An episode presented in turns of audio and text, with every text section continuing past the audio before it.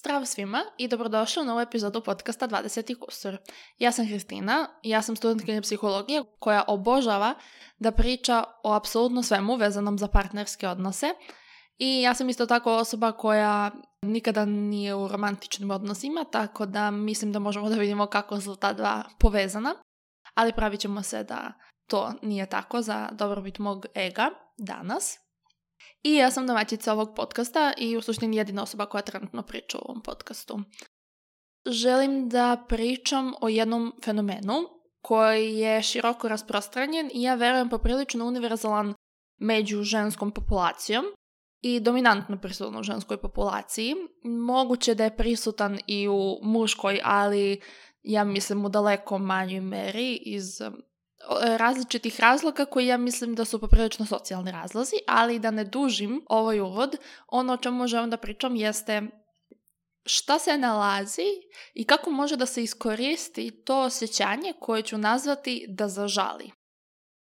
Ovako, psihologija na moju veliku žalost e, nije definisala e, ovaj fenomen da zažali, tako da ću ja pokušati da ga definišem neka moja materska definicija glasi ovako, to je potreba da bivši romantični partner ili interes oseti kajanje jer te je izgubio iz svog života, koja se javlja najčešće nakon što taj bivši partner pod jedan tebe ostavio, ostavio i naneo ti time bol, ili pod dva učinio je nešto čime te je svesno ili nesvesno oterao od sebe ili primorao da ga napustiš, također podrazumevajući povredu tvojih osjećanja. Ovo što sam sada rekla, iako sam sada rekla romantični interes, mislim da se javlja i u prijateljskim odnosima.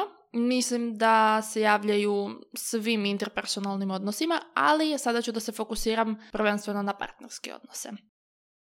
Šta je ovo što je mogo da učini? Znači ove neke stvari koje sam pomenula ovo, učinio je nešto čime te je naveo, oterao te od sebe ili te je premorao da ga napustiš. Evo e, šta mogu da uključuju te stvari. One uključuju neke veće stvari kao što su velike uvrede, ponovljeno loše ponašanje ili obhođenje, izgubljeno poverenje, oglušavanje na ponovljene molbe i zahteve, preljubu i slične stvari, ali isto tako i neke manje stvari poput nedostatka pokazivanja inicijative i truda, loše komunikacije, zanemarivanja potreba i ostalog što ukazuje na nedostatak pozitivnih stvari u odnosu. Mislim da je velika greška kada se priča o odnosima da je kriterijum za romantične odnose toliko nizak da ako se ne dešava, ako nema loših elemenata, to znači da je odnos dobar. U smislu nije e, neophodno da postoje pozitivni elementi kako bi se romantični odnos uh, računao kao dobar. To jest, što im hoću da kažem, jeste da u očima mnogih jedino opravdano izlaženje iz romantičnih odnosa jeste kada postoje veliki loši elementi. A ja želim da kažem da to nije stvar i da postoje mnogi pod znacima davoda manje stvari kao što je nedostatak truda, inicijative, zanemarivanje potreba te osobe i razne neke stvari koje prosto ukazuju da je vreme da se izađe iz nekog odnosa. E sada, moje dosadašnje iskustvo je da je pojava ovog fenomena daleko, kao što sam rekla, zastupljenija kod žena nego kod muškaraca u heteroseksualnim odnosima. Ne znam da li se vi slažete sa ovim, ja bih željela da čujem vaše mišljenje, ono što mene također zanima je, ja nažalost nisam u situaciji da budem u kontaktu sa nekim homoseksualnim parovima, ali mene interesuje da li ovo, da li ovo nešto što postoji i u homoseksualnim odnosima eh, i da li se eh, osjećam u tim odnosima ta pojava da zažali druga strana i opet ako ćemo da se vodimo tom logikom da se javlja kod žena, onda bi bilo logično nekako da se javlja u lezbijskim homoseksualnim odnosima, ali ne u gej, to jest u muškim, znači muškim homoseksualnim odnosima, nego samo u ženskim. Meni se nekako čini kao da to nije tačno i kao da mm, zapravo to nema toliko veze sa ženama koliko ima veze sa socijalizacijom ženske uloge u heteroseksualnim odnosima. Neću sada previše dolazim u ovo, zato što ovo nije trenutna tema. I meni je jako žao što u nauci, na primjer u psihologiji, ali i u sociologiji i dalje homoseksualni odnosi su potpuno izbačeni iz nauke u svakom pogledu, sem ako pričamo o patologiji, nažalost, tako da e, se ne zna skoro ništa empirijski o takvim odnosima i mislim da sve što znamo počinju sada da se uključuju odnosi, ali jako malo i verovatno većinski na zapadu, ali smatram da definitivno treba više da se priča o tome i treba da se izbaci ta heteronormativnost odnosa. To je moje mišljenje. Znam da se mnogi ne slažu sa mnom, ali ja smatram da čak i ako iz nekog razloga koji ne znam zašto bi bio opravdan, smatrate da ne bi trebalo ljudi koji su u homoseksualnim odnosima da budu validirani. Mislim da može svašta nešto društvu da se nauči kada se posmatraju dinamike. Može da bude za naše za to kako mi gledamo na romantične odnose i u ovom slučaju na heteroseksualne romantične odnose. Dobar korak napred može zapravo da bude da pogledamo malo u dinamiku u homoseksualnim odnosima i da vidimo koliko stvari su socijalne uloge, a koliko stvari su zapravo prepisane pod znacima navoda polovima. Zato što ja mislim da ovo nije nešto što je da ova da zažali, zato ima mnogo dublji koren u nekoj socijalizaciji muškaraca i žena u ovom društvu, ali da ne bih sada dužila o tome, ovdje ću da stanem, pa ću da se vratim na moju temu. Ali definitivno mislim da je to nešto što treba da se e, mnogo više obrađuje kroz nauku. Sada, da se vratim na temu, kao što sam rekla. Zašto sam odlučila da danas pričam uopšte o ovome? Raskidi su, kao što svi mi znamo, jako gadna stvar i oni su često ispunjeni razočaranjem u sebe i u drugog, e, neretko i gubitkom vere i nade u ljubav, u budućnost, u sreću i slično, a skoro pa uvek negativnim emocijama bilo kog nivoa. Znači, zavisi sada da li je to bio, zavisi kakav je taj odnos bio i kako se osoba osjećala u tom odnosu i svašta nešto. Ali smatram da je jako malo mirnih i skladnih raskida posle kojih obe strane nastave svoj život dalje bez nekih posljedica, posebno kada se priča o dugim vezama ili o turbulentnim vezama. Tako da smatram da ona strana koja e, je povređena više ili povređena uopšte, nekada su to obe strane, nekada je to samo jedna, pokušava da se zaleči i da tu postoje različiti e, coping mehanizmi za kojima može da posegne. Za one koji ne znaju, coping mehanizmi su nešto što bismo najlakše mogli da opišemo kao mehanizmi za prevazilaženje stresnih, neprijatnih situacija koji su nekada svesni, nekada nesvesni. To je način na koji se mi borimo sa negativnim emocijama i neprijatnim i teškim situacijama. To je najkraće objašnjenje koje mogu da dam. E, od ovih coping mehanizama za neke možemo da kažemo da su više, a neki su manje zdravi po osobu. Također možemo da kažemo da kada pričamo na primjer o romantičnim odnosima, postoje neki mehanizmi koji su tu za prelazni period i imamo neke koji treba na duge staze da pomognu i da nam zapravo izvuku iz lošeg stanja. I ja bih rekla da se ovdje na ove neke dve, da tako kažem, na dve dimenzije da zažali kao coping mehanizam spada u pretežno zdravije mehanizme koji bi trebalo da služe za prelazni period. I mislim da su oni zdravi samo onda kada se koriste za prelazni period. I kada to nije slučaj, onda se ulazi u nezdravu teritoriju. A evo sada ću da objasnim detaljnije zašto to mislim i kako. Ono što je meni fascinantno u vezi ovog fenomena, da ga nazovemo fenomenom, jeste mešavina emociji i situacija u kojima može da se javi i propratne misli i ideje koje prate ovaj fenomen. Ja smatram da želja da neko zažali jer nas izgubio nije inherentno vezana samo za romantične odnose. Ona može da se javi i kada se završe prijateljstva, kada se završe partnerstva. Ona se javlja ako bih mogla da definišem kada smo bili mnogo dobri prema nekome, kada je taj neko nas uzimao zdravo za gotovo ili je bio izuzetno loš prema nama. Mislim da tada možemo da kažemo da se javlja ta potreba da neko se žali iz nekog osjećanja ljutnje, iz nekog osjećanja, mm, kako to mogu da kažem, razočaranosti kada se osjećamo kao da nas je neko izdao, kao da nas je neko prosto da nas je neko razočarao, mislim da su to neka samo od osjećanja negativnih u kojima može da se javi ovako nešto. I reći ću da sam ja bila prva koja sam mnogo puta pomislila kako bih voljela da neko zažali jer je svojom krivicom, jer svojom krivicom više nema mene u svom životu.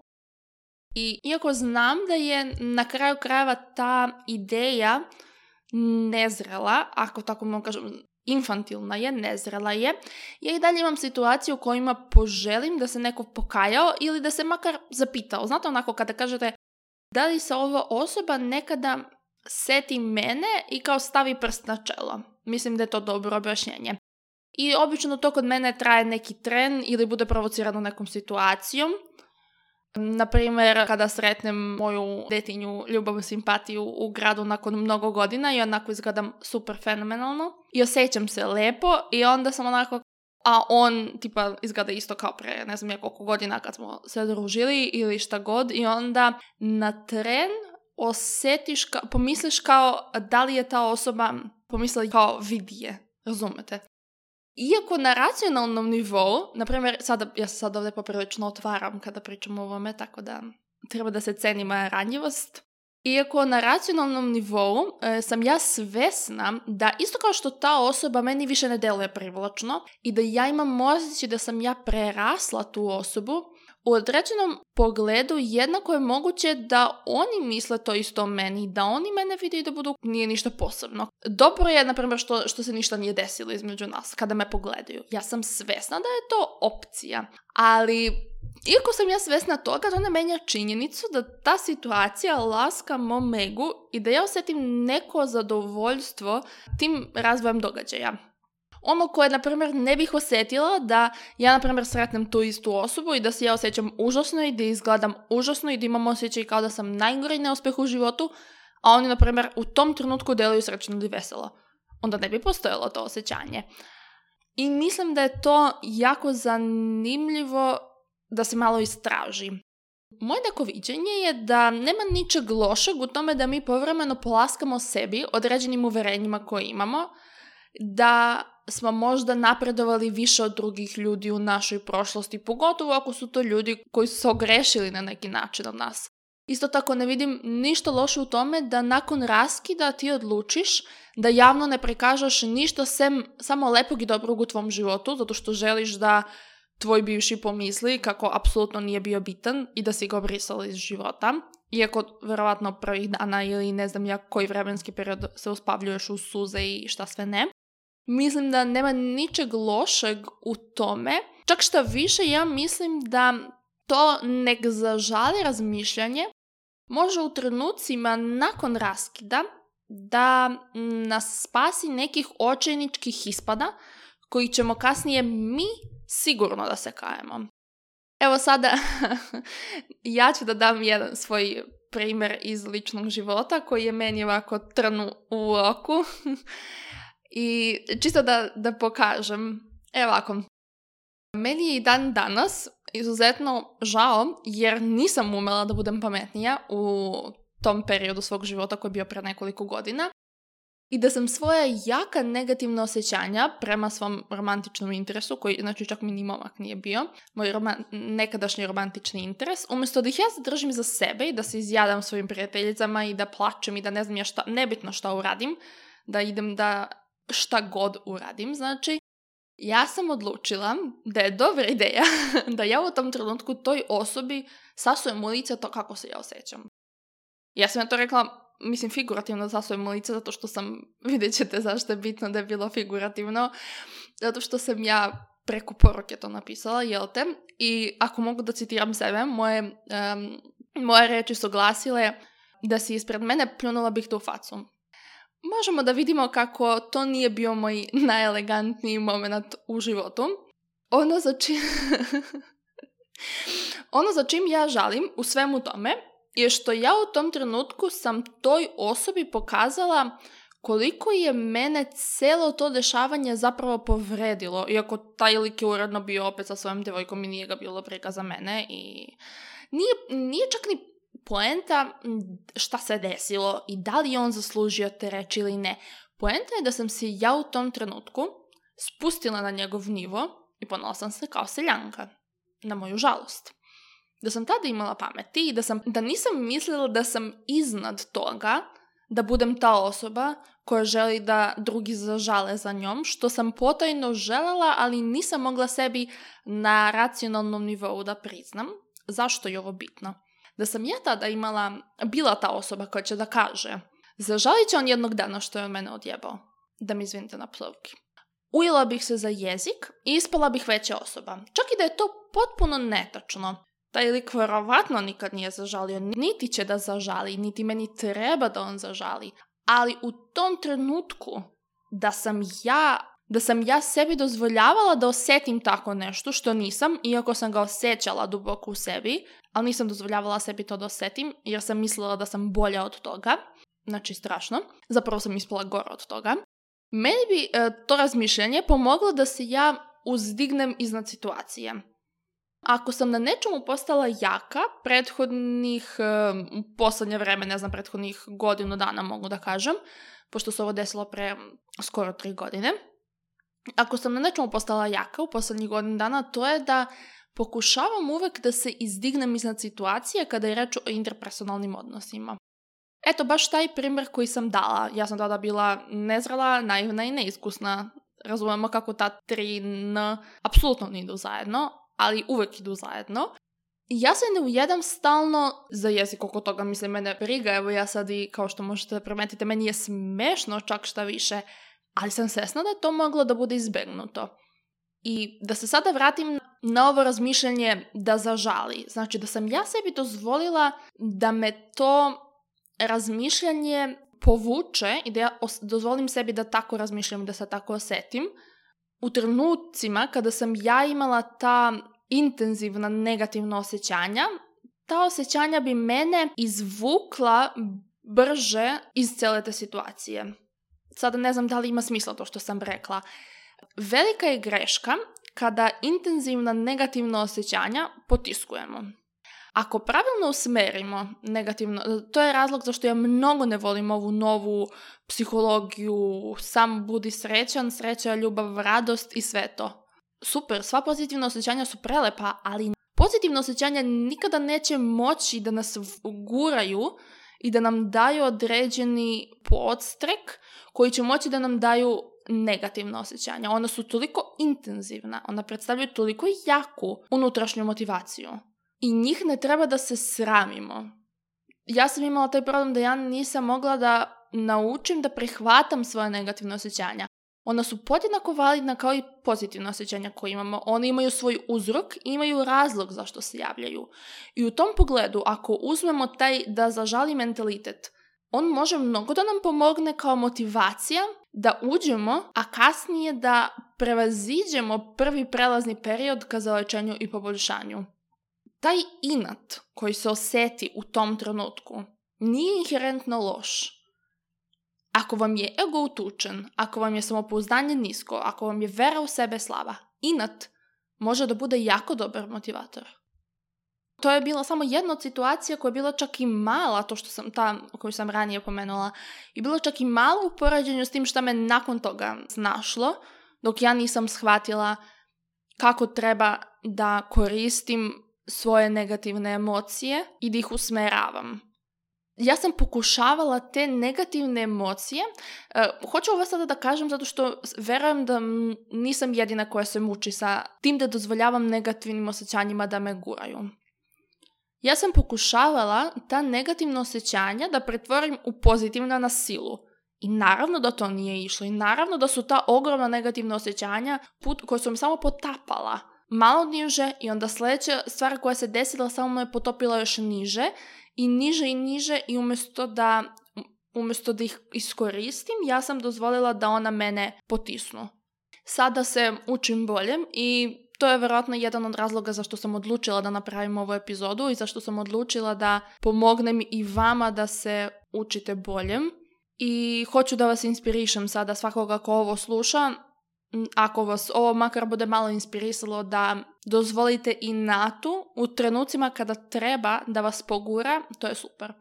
S druge strane, ovo je jako bitan trenutak da ja kažem da inat i ceo mentalitet da neko zažali postaje loš u trenutku kada se on pretvori u trajnu motivaciju. Kada prođete i prelazni period, kada nam treba nešto da nas pogura i kada uđemo u oporavak koji treba da bude okrenut ka sebi. Ako tada i dalje postoji inat, to ne valja. Zašto? Zato što u srži inata, u srži tih negativnih emocija, postoji relacija sa drugim. Da drugi vidi da mi je dobro i da shvati svoju grešku. Da drugi vidi koliko vredim i da mu bude krivo. Da nekom drugom ja nedostajem pa da zažali zbog ovoga ili zbog onoga. Prevelikim fokusom na druge blokiramo svoj put ka promjeni i napretku. I tada prestaje da bude zdravo i postaje štetno to inačenje ne postoji jedan trenutak u kome se pređe iz tog prelaznog perioda u taj oporavak koji treba da bude okrenut od sebe. Nije to jedan moment, pa ako ste ga preskočili, ako ga niste uočili, to je to. Propali ste kraj. Ne. To je jedan period, znači nije jedan trenutak, to je jedan period u kome ako pratite sebe i ako se trudite da budete što iskreniji prema sebi, u nekom trenutku ćete da uočite taj period, u nekom trenutku ćete da uočite trenutak, trenutak, sad sam ja to loše rekla, mm, ali realno period je skup trenutaka. U jednom trenutku ćete da uočite da počinje da vam smeta to, da ste previše okrenuti ka drugome, da ste previše drugog imate u svojoj glavi, umjesto da sebe imate u svojoj glavi.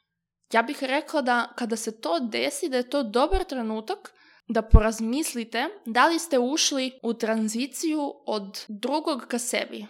Od inata i od intenzivnog, brzog oporavka da se što dalje pobegne od neke situacije.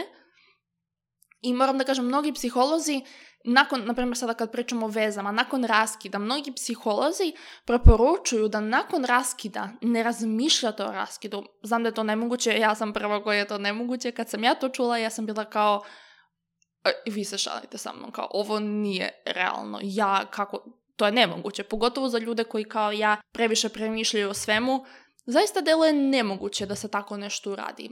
ali nije nemoguće.